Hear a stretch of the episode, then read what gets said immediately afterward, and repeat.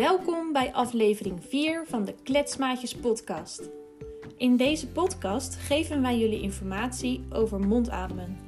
We leggen uit wat mondademen is, hoe het ontstaat en wat de gevolgen ervan kunnen zijn.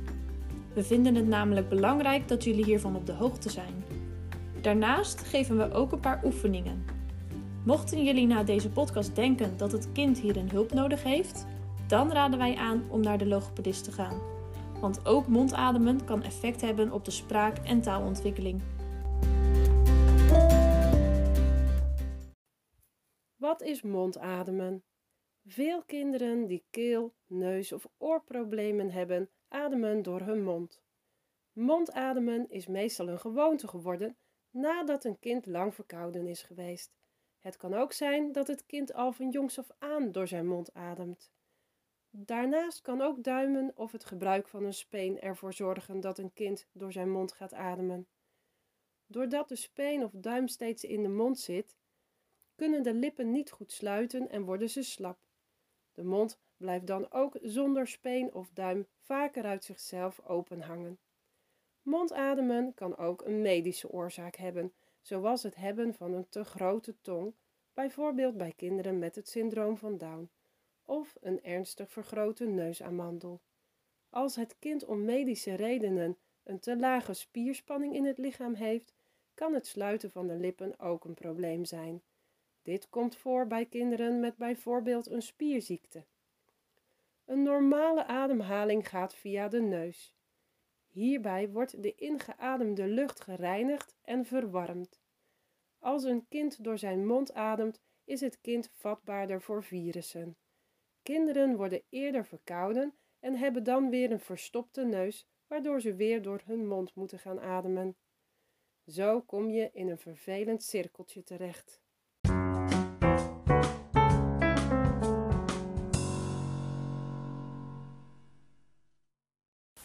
Door de mond ademen is voor een kind makkelijker, omdat de ademhalingsspieren dan minder hoeven te doen. Maar dit zorgt ervoor dat de spieren van het kind verslappen en daardoor krijgt het kind een ingezakte houding met hangende schouders. Dit kun je vaak goed zien aan een kind.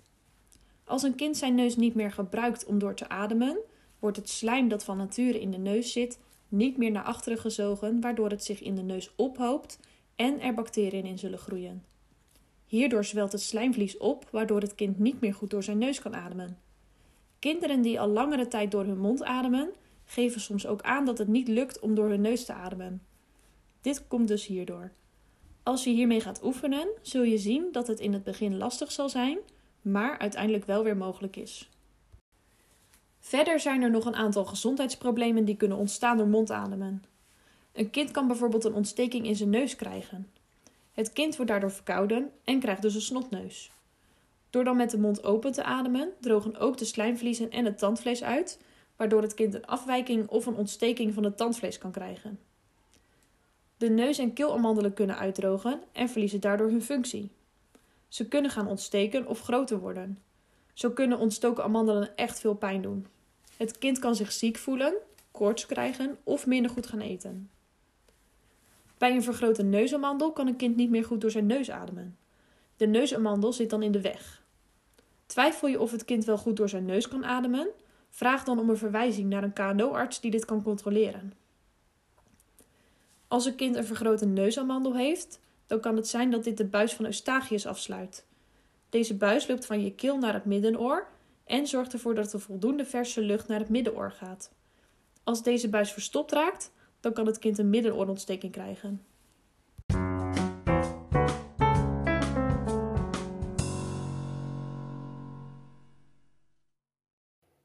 Het is wel duidelijk dat mondademen dus niet goed is voor de gezondheid.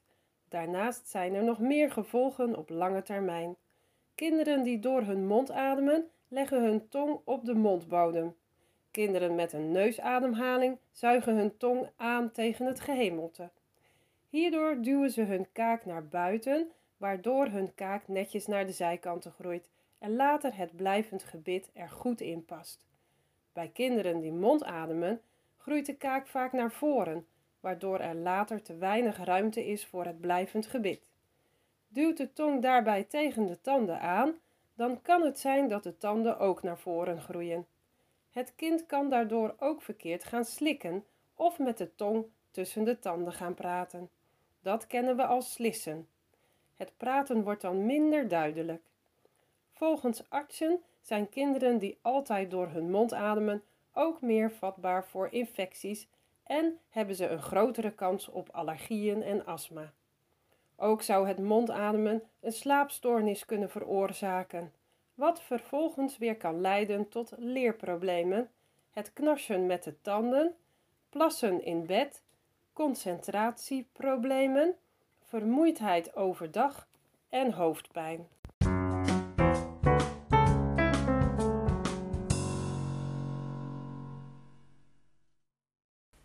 Oefenen met lipsluiting kun je zowel thuis doen als op het kinderdagverblijf. Kies hiervoor een rustig moment uit om samen te oefenen. Op het kinderdagverblijf kun je dit bijvoorbeeld in de kring doen tijdens het voorlezen van een boek of aan tafel tijdens een knutselwerkje. Je kunt dan de kinderen iets tussen hun lippen laten houden.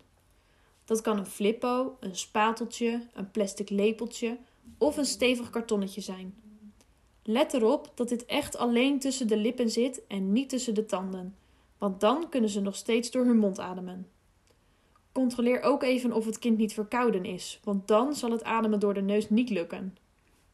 Valt het stukje uit de mond, dan had het kind dus de lippen open. Als je een flippen of een kartonnetje gebruikt, dan kun je er een touwtje aan vastmaken en er een halsketting van maken om te voorkomen dat het kwijtraakt. Door deze oefening raakt het kind zich bewust van het sluiten van de lippen. Thuis is het oefenen tijdens het voorlezen een heel mooi moment. Je kunt thuis ook het kind laten oefenen wanneer het een spelletje speelt op de iPad of een filmpje kijkt. Maak hierbij wel de regel: flippo of kartonnetje weg is scherm weg. Zo zorg je ervoor dat jouw kind ook daadwerkelijk oefent. Je kunt ook oefenen tijdens een rustig spelmoment zoals een puzzel maken met Lego, Duplo of blokken bouwen of een spelletje memory. Wilde spelletjes en buitenspelen zijn minder geschikt om bij te oefenen. Thuis kun je het oefenen stimuleren door een stickerschema te maken met een kleine beloning aan het eind.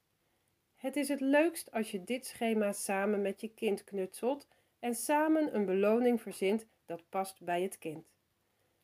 Dat kan verschillen van extra schermtijd tot het krijgen van bijvoorbeeld een ijsje. Houd het klein en gemakkelijk te behalen in verband met succeservaring. Maak in het schema een opbouw van steeds 5 minuten extra per week erbij, waarin het kind met iets tussen de lippen moet zitten en zet een timer om dit te controleren. Probeer dit minimaal 5 keer per week te oefenen op een vast moment. Hierdoor ontstaat er een nieuwe goede gewoonte. Zie je tussendoor dat het kind zijn lippen open heeft, corrigeer het dan. Het is vaak fijner om een geheim teken met elkaar af te spreken dan steeds de naam van het kind roepen. Dit maakt het nog een beetje spannender om met elkaar te oefenen, zeker als andere kinderen dit geheime teken niet weten. Wat je ook kunt doen bij jonge kinderen waarmee je nog geen geheimteken kunt afspreken, is heel even zachtjes de kin of de lippen aan te raken. Als reactie op deze prikkeling sluiten ze vaak uit zichzelf al hun lippen.